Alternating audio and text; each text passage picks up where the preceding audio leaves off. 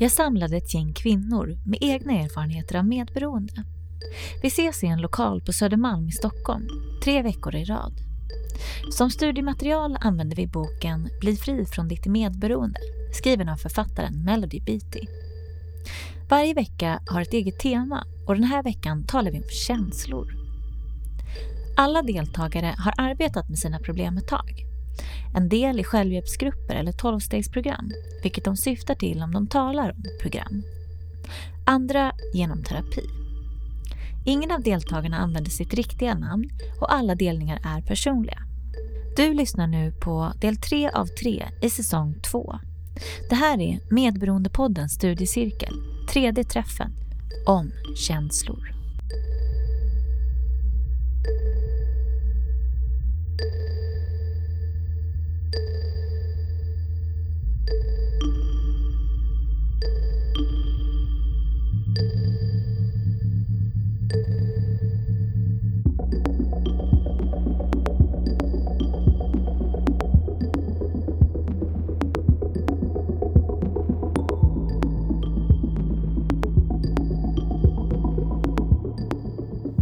Välkomna hit! Tack. Tack. Medberoendepoddens studiecirkel är en grupp där alla delar medberoendeproblematiken på ett eller annat sätt. Vi kommer att ses tre veckor i rad och dela våra tankar, känslor och vårt hopp med varandra. Varje vecka har sitt eget tema och veckans tema är känslor.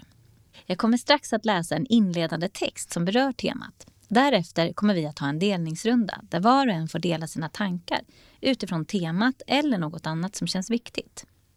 För enkelhetens skull ber alla presentera vid namn följt av medberoende. Sedan bekräftar vi personen genom att säga hej X tillbaka. Alltså, jag heter Ida och är medberoende. Hej Ida! Varje delning får ta sex minuter. Därefter är det dags att lämna ordet vidare. Vi delar från hjärtat och behandlar både oss själva och varandra med respekt. Nu ska jag läsa dagens text ur Melody Beatys bok Bli fri från ditt medberoende. Jag läser ur kapitel 13 som heter Känn dina egna känslor. Medberoende människor är förtryckta och nedstämda. Många av oss kan snabbt tala om vad någon annan känner, varför den personen känner på det sättet, hur länge han eller hon känt så och vad vederbörande förmodligen kommer att göra på grund av den känslan. Många av oss ägnar hela livet åt att bekymra oss om andra människors känslor. Vi försöker ordna till folks känslor. Vi försöker styra andras känslor. Vi vill inte såra människor eller göra dem upprörda. Och vi vill inte förolämpa dem. Vi känner oss så ansvariga för andras känslor. Ändå vet vi inte vad vi själva känner. Om vi vet det, vet vi inte vad vi ska göra för att ordna för oss själva. Många av oss har övergivit eller aldrig tagit ansvar för våra känslomässiga jag. Våra känslor kan också ge oss ledtrådar till oss själva. Våra begär, önskningar och ambitioner. De hjälper oss att upptäcka oss själva och vad vi egentligen tänker. Våra känslor har också direkt förbindelse med den djupa del av oss som söker och känner sanningen och strävar efter självbevarelse, självförbättring, trygghet och godhet. Våra känslor hör ihop med våra medvetna kunskaps och tankeprocesser och med den gåtfulla gåvan som kallas instinkt och intuition. Men känslorna har också en mörkare sida. Känslomässig smärta gör ont. Den kan göra så ont att vi inte tror att vi är eller någonsin kommer bli mer än våra känslor. Smärta och sorg kan stanna kvar. Rädsla kan bli ett hinder. Den kan få oss att avstå från att göra det vi vill och behöver göra här i livet. Ibland kan vi fastna i känslor blir fångna av en brunn eh, blir fångna i en brunn av mörka känslor. Och då tror vi att vi aldrig kommer slippa ut. Vrede kan pyra och förvandlas till agg och bitterhet och hota att ständigt följa oss. Sorg kan vändas till depression och nästan kväva oss. En del av oss lever med rädsla under långa perioder. Våra känslor kan lura oss också. De kan leda oss in i situationer som vårt intellekt varnar oss för. Ibland är känslor som sockervadd. De ger sken av att ha mer substans än de i själva verket har. Trots att känslornas mörkare sida, de plågsamma, de envisa och de bedrägliga, blir bilden ännu dystrare om vi väljer att inte känna. Att inte känna sina känslor, att dra sig undan känslomässigt och att skjuta undan den delen av sig själv kan vara obehagligt, ohälsosamt och självdestruktivt.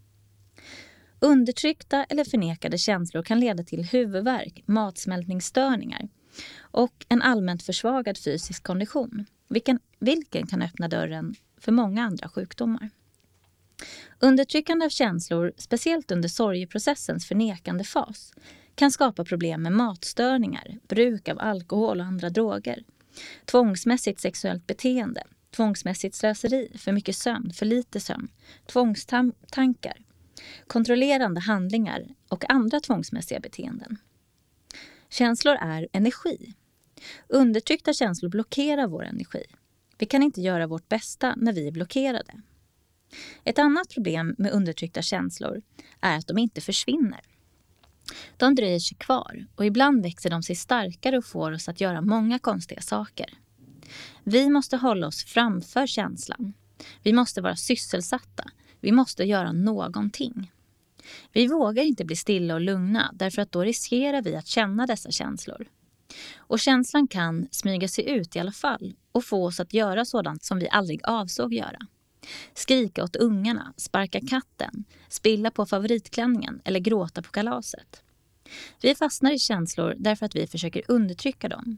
Och liksom en envis granne går de inte sin väg förrän vi erkänner att de finns där. Det viktigaste skälet till att man inte bör undertrycka känslor är att känslomässigt tillbakadragande gör att vi förlorar våra positiva känslor. Vi förlorar förmågan att känna. Ibland kan detta vara en välkomnande lättnad om smärtan blir för stor eller för konstant. Men det är inget bra förhållningssätt i längden. Vi kan stänga av våra djupa behov, vårt behov av att älska eller bli älskade, när vi stänger av våra känslor. Vi kan förlora hela vår förmåga att njuta av sex och mänsklig beröring. Vi förlorar förmågan att känna närhet till människor, förtrolighet och intimitet. Vi förlorar vår förmåga att njuta av det goda i livet. Vi förlorar kontakten med oss själva och vår omgivning. Vi har inte längre någon kontakt med våra instinkter. Vi märker inte längre vad våra känslor berättar för oss och inte heller problem med vår omgivning. Vi mister känslornas motiverande kraft om vi inte känner. Granskar vi antagligen inte heller de tankar som hör till. Och vi vet inte vad vårt inre jag säger till oss. Och om vi inte tar itu med våra känslor kan vi inte förändras och inte växa. Vi sitter fast. Känslor är inte alltid så roliga, men att undertrycka dem kan vara riktigt eländigt. Vad är då lösningen? Vad gör vi med dessa irriterande känslor som verkar både en börda och en glädje? Vi känner dem. Vi kan känna. Det är okej att känna våra känslor. Det är okej för oss att ha känslor. Alla våra känslor. Tack. Tack. Tack. Det är nu dags för delningar. Den som sitter till vänster om mig börjar och sedan fortsätter vi medsols. Vi kommer att skicka runt en mikrofon som riktas mot talaren. Så jag ber er alla att vänta med att ta ordet tills mikrofonen är placerad framför er. När alla i rummet har delat kommer jag att avsluta vårt samtal. Varsågod att börja. Hej, Harriet Medberoende. Hej Harriet. Skönt att vara här. Tack för läsning. Eh, det var skönt att stilla sig lite. Jag tänkte känslor. Jag blir glad när jag hör ordet känslor.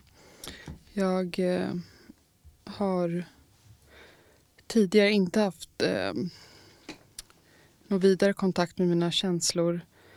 Eh, men idag känner jag verkligen att jag har det. Jag eh, har respekt för alla mina känslor. Jag, jag vårdar mina känslor.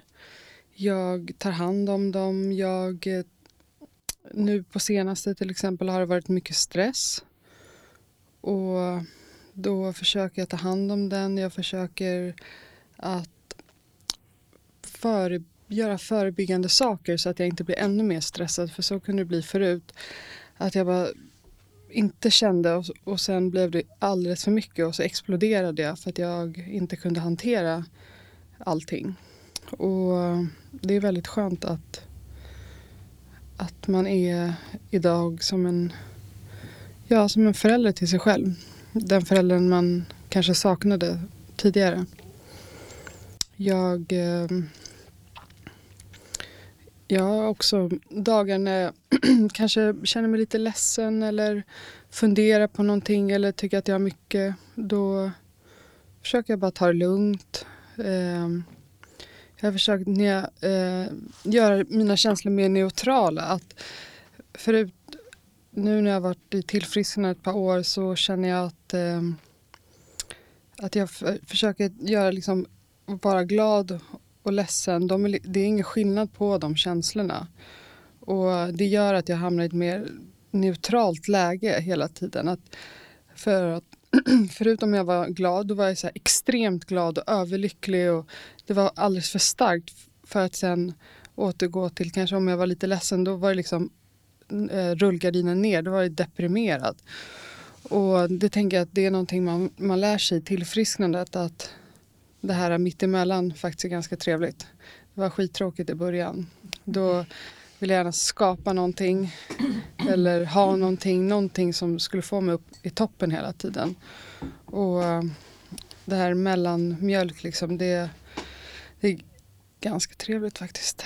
Ehm, jag, eh, det, jag tror att det är just där man lättast kan lära känna den man vill vara. Och, men jag tänker att för att nå dit så måste man, som det stod i, i texten, våga möta det där mörka också. Och um, stilla sig.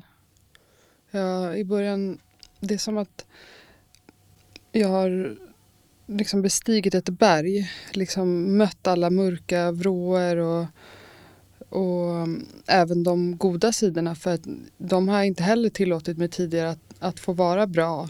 Och um, det ska, jag skulle hela tiden piska mig själv. Och idag känner jag i, i alla mina sammanhang att jag, att jag verkligen duger som jag är. Jag behöver inte fundera på vad jag säger innan eller vad jag sa efter. Jag står för vad jag tycker. Jag behöver inte bli omtyckt av alla. Jag respekterar andras åsikter. Fast jag kanske tycker att jag har rätt. eh, och jag, jag hörde några prata om harm här innan tidigare. Det, jag hade harm hela tiden i mitt, i mitt liv tidigare. Och när jag får mycket harm, alltså att jag irriterar mig på andra, då har jag liksom som en inre bild i mig själv så här, jaha, nu, nu stör jag mig på den, den, den och den och den. Vad beror det här på? Jo, jag orkar inte fokusera på mig själv så jag fokuserar på alla andra hela tiden. Och då brukar jag liksom typ ha någon slags inre bild att jag tar mig själv i handen och går tillbaka till min lägenhet istället för att titta, hänga hos grannarna. Eh, och det är väldigt skönt att hela tiden kunna gå tillbaka, gå tillbaka, gå tillbaka och fokusera på mig själv. För att när jag fokuserar på mig själv det är då jag hamnar i det här um, mellanläget och det är väldigt skönt. Och jag har, det var väldigt länge sedan, det har hänt massa grejer i mitt liv på senaste och jag hamnar liksom aldrig i det där jättemörka längre. För att det blir alltså där mörkt för att jag accepterar när det är jobbigt och att jag istället, för, förutom någonting var jobbigt, då skulle jag fly från det ofta i någonting destruktivt som gjorde att det blev ännu värre än vad det faktiskt var. Och det är verkligen för mig att ta hand om mina känslor och, och tänka att när jag hamnar liksom utanför då är det någonting hos mig. Det handlar alltid om mig, inte alla andra. Och i de sammanhang när det handlar om andra faktiskt, då är det förmodligen att jag inte har satt tydliga gränser. Och den förmågan har jag idag, vilket gör att det blir mindre konflikter med andra eller irritation. Och så så det är väldigt, väldigt skönt. Stanna där, tack. Tack. tack. Petra, medberoende. Hej Petra. Trevligt att vara här. Det är min första, mitt första besök i den här medberoendegruppen. Välkommen. Tack. Omgiven av kvinnor. Och vi brukar ju vara duktiga på att prata om känslor men nu ska det ske på, på kommando. Jag, ska, jag får se om jag kommer på någonting klokt att säga. Um, jag tror att jag skulle beskrivas som en typisk känslomänniska. Eh, jag, jag, fick i alla fall heta det i familjen som jag växte upp. Vi var fem barn. Ganska olika sinsemellan. Eh, och jag var typisk eh, glad, arg. Ungefär där pendlade mina känslor. Ilska och glädje. Det var väl i och för sig bara det att eh, den första känslan som jag tror att jag kom i kontakt med eh, när jag växte upp, det var rädsla. För att det var, ett, det var inte ett tryggt hem. Eh, det var ett hem där eh, med en pappa som var väldigt utlevande och eh, vi blev utsatta för, för väldigt obehagliga saker hemma. Så att rädsla är en tidig känsla. Eh, och den har följt mig och den har också fått konsekvenser ehm, Eh, sen, senare i livet. Jag tror att rädsla är den känslan som har styrt mig allra, allra, allra mest. Ehm, jag har varit rädd för nästan allting. Ehm, en av de största rädslor jag hade var att min mamma då, som stod för det trygga i, i familjen skulle försvinna. Och då gjorde hon faktiskt det. Ehm, när jag var 18 år så dog hon. Det jag lärde mig av det, det är att det man är rädd för, det som man är mest rädd för, man överlever även det om det inträffar. Ehm, så att jag har också lärt mig att gå emot rädslor. Um, jag träffade en, man, min man, mitt ex, som um, tog mig med storm. Det var väldigt, det var känslor som gjorde att vi möttes och att vi vågade satsa på varandra fast relationen inte verkade jättestabil. Jag förstod ganska snart att han hade ett eh, missbruk. Och det gav mig jättestarka flykt eh, och rädslor, rädslokänslor. Ehm, där minns jag att jag fattade ett, ett rationellt beslut som byggde på en känsla. Jag tänkte att det här är ingen smart eh, grej att hoppa på en relation med en person som har ett missbruk. Men jag kan inte stå emot mina känslor. Jag tyckte så mycket om honom. Så jag, jag bestämde mig för att jag blundar nu och hoppar. Och så får vi se vad som händer. Och det som hände var att vi fick 22 år tillsammans och eh, tre barn. Eh, och det har varit en känslomässig berg och dalbana de här åren. Eh, jag har precis lämnat relationen eh, på grund av ett återfall. Men, eh, och jag har senast idag suttit och gråtit över hur, hur sorgligt det är att förlora en person som man har levt så nära under så lång tid eh, och på grund av en sjukdom som ingen av oss egentligen kan göra någonting åt. Förutom den som använder. Men det är liksom en process som bara lever sitt eget liv. Eh, En känsla som, jag, som har börjat växa fram mer och mer under den här sorgeprocessen och separationen det är eh, tacksamhet. Och det är någonting som vi i, i det här tolvstegsprogrammet eh, fokuserar mycket på. Och det hjälper så enormt mycket när man har det som tuffast att försöka tänka, vrida på perspektivet eh, lite grann. Eh, när det ser som allra mörkast ut så försöker jag tänka, men det hade kunnat vara värre. Ehm, vi fick ändå 22 år tillsammans och de flesta av de åren var helt eh, nyktra och, och helt okej. Okay. Vi fick en familj. Ehm, och när jag har kommit så långt så brukar en känsla av tacksamhet kunna komma att um, det här är val som jag har gjort. Även om jag inte har vetat kanske mitt eget bästa så har jag någonstans valt. Eh, jag gör inte alltid de bästa valen men någonstans så finns det en mening med även de här tuffa valen.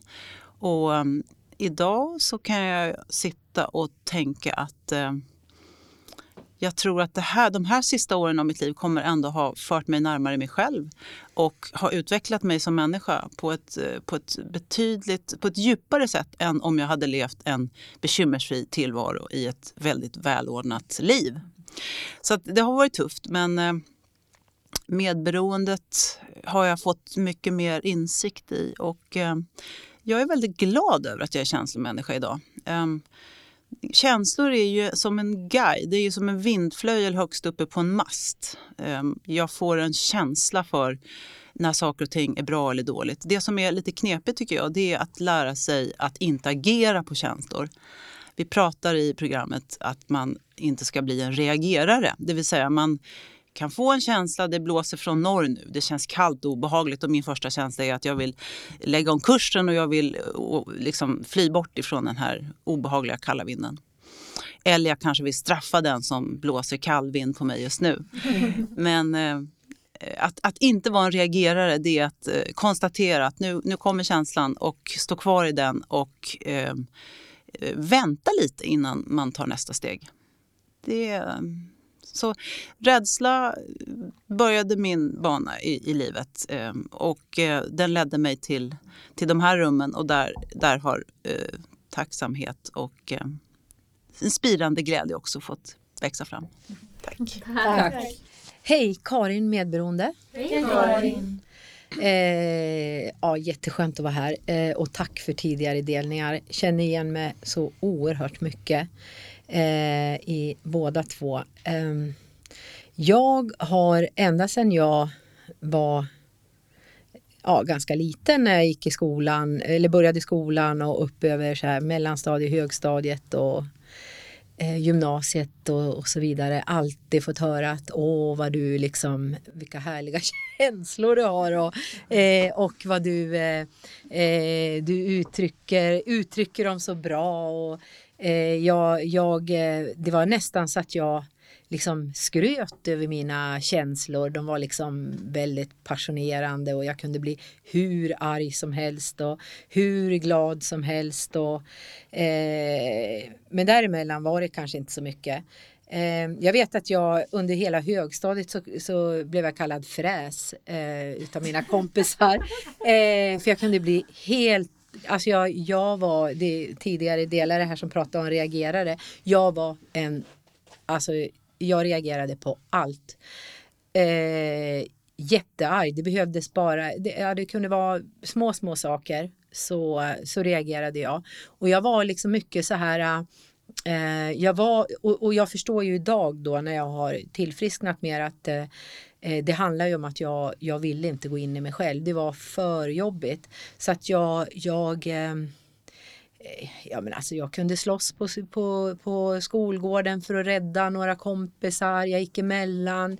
Eh, jag eh, bråkade med lärare ibland. Jag, alltså jag var verkligen eh, eh ja, det, jag kunde inte tygla mina känslor.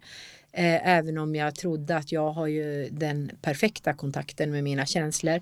Idag så kan jag ju se vart det kommer ifrån. Eh, jag eh, är också uppvuxen som många av oss eh, som är medberoende då i ett, eh, ett ganska eh, dysfunktionellt eller en ganska dysfunktionell familj då med en eh, pappa som var oerhört eh, ja, narcissistisk, väldigt aggressiv eh, och, och tryckte, tryckte ner oss barn. Och där var ju jag också den som eh, skulle försvara mina barn, eller mina barn säger jag, mina syskon. Eh, och det var, jag var ju den som, som gick emot så att det blev ju oerhört mycket bråk mellan honom och mig också.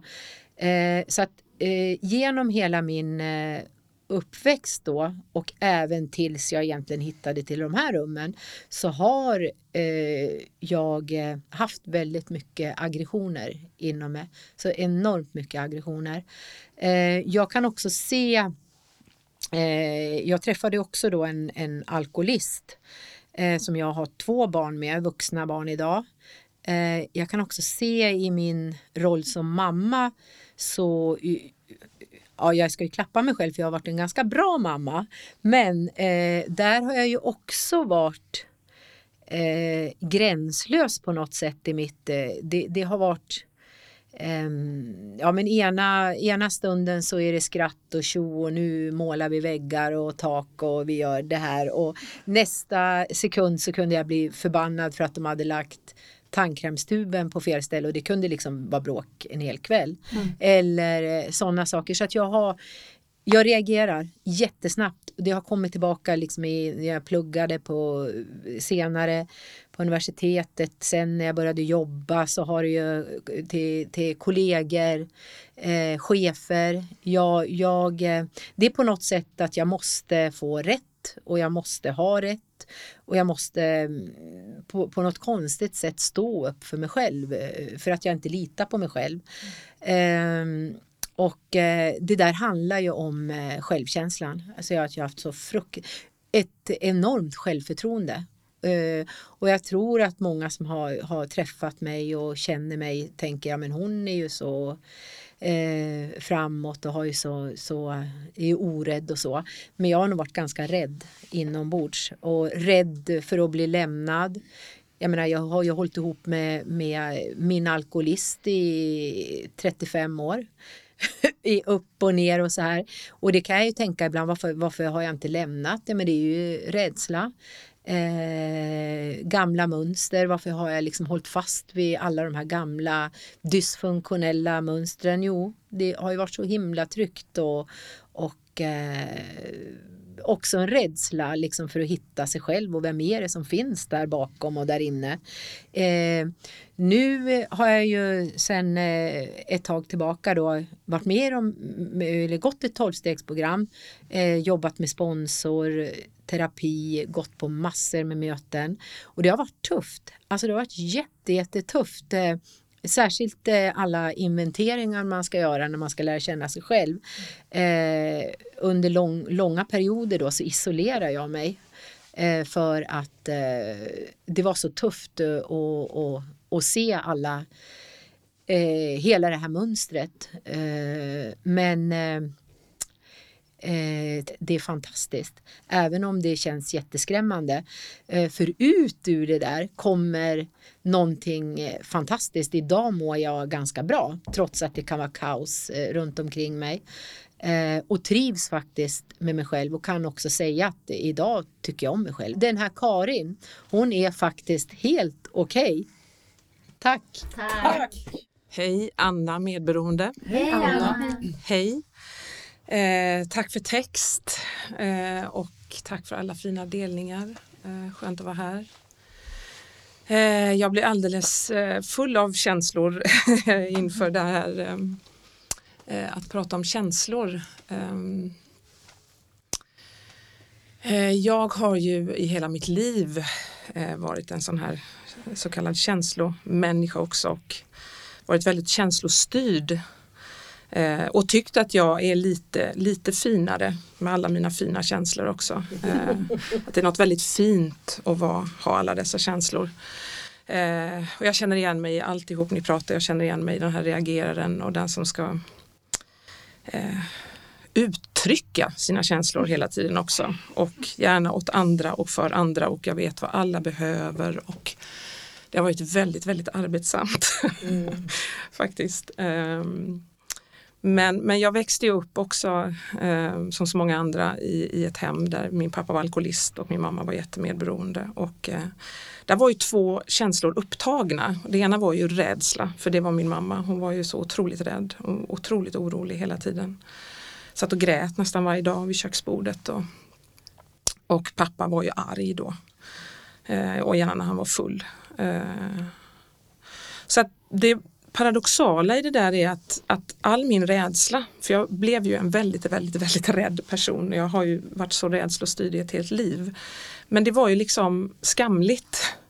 Så att jag tog ju en annan roll och det var ju att jag tog den, den glada och den som ska hjälpa till och den som ska få upp allihopa. Eh, och jag har stridit mot min rädsla i ett helt liv och inte accepterat den utan har skullat gå emot den hela tiden. Um, och det har ju bara gjort mig ännu mer rädd på något sätt men att det inte har varit tillåtet. Um, och det har bildat en väldigt, väldigt stor sorg i mig. Um, som jag också har gått runt och burit för den har varit också helt förbjuden.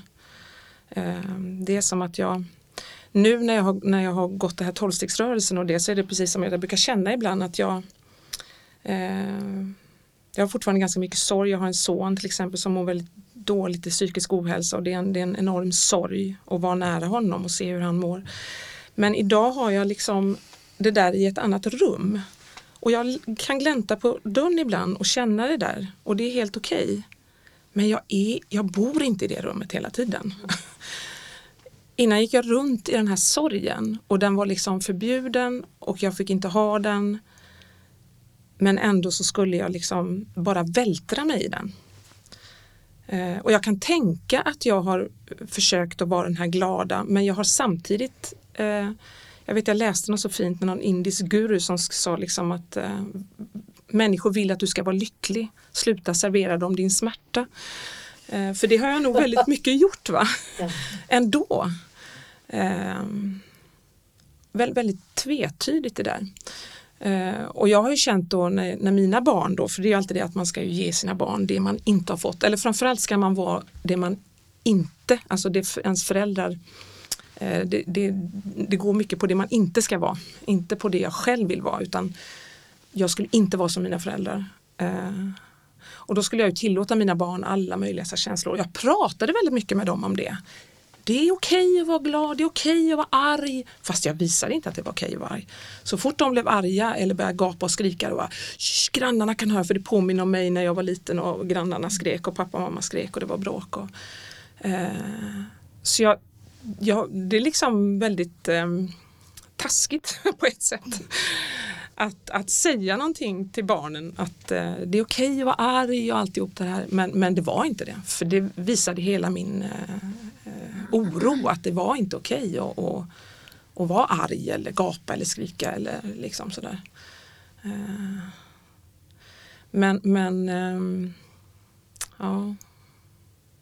Det är i vilket fall väldigt, väldigt skönt att, att det är någon som pratar om mellanmjölk här förut. Alltså, som sagt, jag har alltid varit livrädd för att vara tråkig också. Jag menar i kärleksförhållanden så har det ju varit, då är jag, vill jag gärna vara den där härliga och och jag gick in i väggen för ett år sedan, eller för ett och ett halvt år sedan. Jag är ur, ur den nu om man säger, men, men tack vare programmet.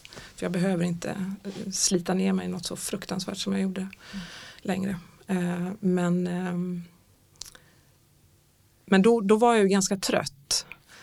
Och att våga visa det för någon att jag är trött, att jag är tråkig då i mina ögon inom situationstecken det var otroligt skamligt men det, det, finns något väldigt, väldigt fint att gå emot det där liksom att, att, ta ner händerna och liksom bara här är jag. jag är trött. Eh, det här är jag liksom. Och det är så skönt. Det är ungefär som man har pratat så här hela livet. Och nu pratar jag så här. Nu är jag här. Va? Det blir inte så jävla ansträngt och det är en, en fantastiskt fin gåva. Tack. Tack. Hej Evelina Medberoende. Hej Evelina! Hej! Mm, tack för tidigare delningar. Fantastiskt eh, fina och kloka. Eh, och jag fick jättemycket eh, tankar och känslor i mig. Ehm, och jag känner igen mig i alla delningar eh, väldigt mycket. Eh, speciellt Eh, det här med att kalla sig själv för känslomänniska. Ehm, alltså alla människor är ju känslomänniskor. Ehm, för alla vi går ju omkring och har massa känslor. Eh, en del väljer att släppa ut dem och agera på dem, vilket jag gjorde mycket och gör fortfarande. Ehm, men jag hade ju, och, jag trodde förut att jag hade så bra kontakt med mina känslor. Om någon hade frågat mig för tre år sedan innan jag började jobba med mig själv så skulle jag säga att jag var en känslomänniska och att jag hade liksom koll på läget. Också kände jag väldigt ofta att jag var lite bättre än andra som inte liksom visade sina känslor lika mycket. Alltså jag, jag känner ju mycket när jag lyssnar på musik till exempel. Och eh, om inte mina kompisar uttryckte samma känsla så liksom kände jag att jag... Alltså de känner inte som mig och därför... Och i det fallet kände jag mig bättre för att ja, men jag, jag känner musik på ett annat sätt och eh, höj, höjde mig själv på något konstigt sätt. Um, och också grät åt filmer jättemycket och så om någon kompis till mig inte grät åt filmen då tänkte jag bara så att det är något fel på den där personen och att den inte var lika fin som mig som gråter. Liksom. Men sen, um, och det är ju en sak som, som är lite så här pinig liksom att gå omkring och känna. Men den kan jag säga nu att så har jag varit och ibland tänker jag så fortfarande. Um, ja, sån är jag. Jag är inte helt hundra liksom. Men eh, det är ju så att vara människa liksom. Vi känner ju massa konstiga saker men man är ju inte sina känslor heller. Ibland, alltså känslor är ju också fantasi och lite påhitt liksom. Jag kan ju vara rädd för saker som inte är farliga liksom. De flesta sakerna jag är rädd för är ju inte farliga. Um, så därför är det egentligen ett påhitt, känslan. Liksom. Den kommer någonstans ifrån. Och eh, tidigare lyssnade jag inte på känslorna utan jag agerade innan jag liksom tänkte aldrig efter. Men nu eh, så tillåter jag mig själv att känna olika känslor och försöker att ta hand om dem på bästa sätt. Men jag misslyckas absolut eh, väldigt ofta med det. Men, men just att... Och också... Eh, jag kunde liksom inte heller tidigare, och jag har fortfarande faktiskt svårt för det, att tillåta andra att känna sina känslor. Utan jag har också varit expert på andras känslor. Eh, liksom att Ja, men berätta för andra, speciellt min kille, hur han mår. Det kan jag fortfarande göra och då blir han så förbannad på mig. Ja, men nu berättar du för mig hur jag mår. Jag mår inte sådär. Och då blir jag så här, fast du gör det. Men, oh my God. Du har bara inte förstått det än. Ja, men, eh, men just att om någon är arg till exempel så ska jag direkt lösa det. Liksom, för jag gillar inte när folk är arg. Eller när, när någon är ledsen, jag vill att de ska sluta med det. Jag vill fixa det. Liksom. Och, och när någon är glad, det är ju bra. Men inte, man får inte vara för glad. Man får heller inte alltid vara för trevlig. För då känner jag mig inte trevlig. Alltså, det är väldigt mycket. Eh, men jag jobbar på det också. Det blir mycket bättre. Att också tänka så här, bara, men gud, jag behöver inte vara superglad bara för att någon annan är superglad. Och jag behöver heller inte bli skitledsen när någon annan är ledsen. Eh, utan jag kan känna medlidande och sen kan jag bara stå där. Jag behöver inte eh, finnas liksom för någon annan och tala om för den hur den ska vara eller tala om för mig själv hur jag ska vara heller för den delen. Och vad jag ska känna. Och, sådär. Och vad som är fult att känna och vad som är fint att känna. Men, men det är just det där om man agerar på känslor som inte är bra till exempel. Då blir det ju knas. Men nu försöker jag att se dem bara som, alltså det är ju så klyschigt, men att se de där känslorna ibland bara som ett moln på en blå himmel som bara så passerar. Och också om jag känner mycket harm så inventerar jag harmen. Alltså jag skriver upp det på ett papper. Varför är jag arg? Och, och vad är det jag är arg på? Och vad, vad, finns det jag kan göra? Finns det någonting jag kan göra åt saken?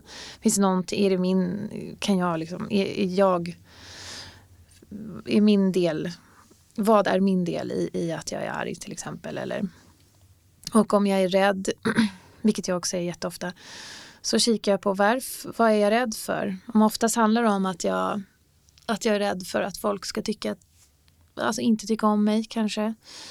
Eller eh, jag är rädd för att folk ska tycka att jag kanske verkar korkad eller ja, jag kan vara rädd för, för det mesta. Och sen så skriver jag upp det på ett papper och sen så kikar jag på dem och så tänker jag, ja, så här känner jag faktiskt nu. Och det är okej att känna så, men jag lämnar över dem, liksom alla mina känslor och, och, och rädslor eh, till eh, det som jag tror på, vilket jag inte ens kan förklara med min, jag kallar det för min högre makt. Och, och, när jag har gjort det så känner jag, då känner jag att någonting lättar i mig. Eh, och oftast så med tiden, det är inte så att jag pling, bara blir av med alla rädslor på en gång, men men om jag gör det på kvällen så vaknar jag oftast på morgonen och, inte, och så är jag inte lika rädd. Um, och, och, allt det här har jag ju också fått lära mig um, i mitt program som jag går och jag går ju också Konon. Um, ehm, och, och, där fick jag upptäcka och lära känna mig själv och äls jag älskar mig själv nu. Alla mina känslor, alla mina fel och alla mina rätt. Eh, och det är så grymt och jag är så jävla stolt över mig själv. Mm.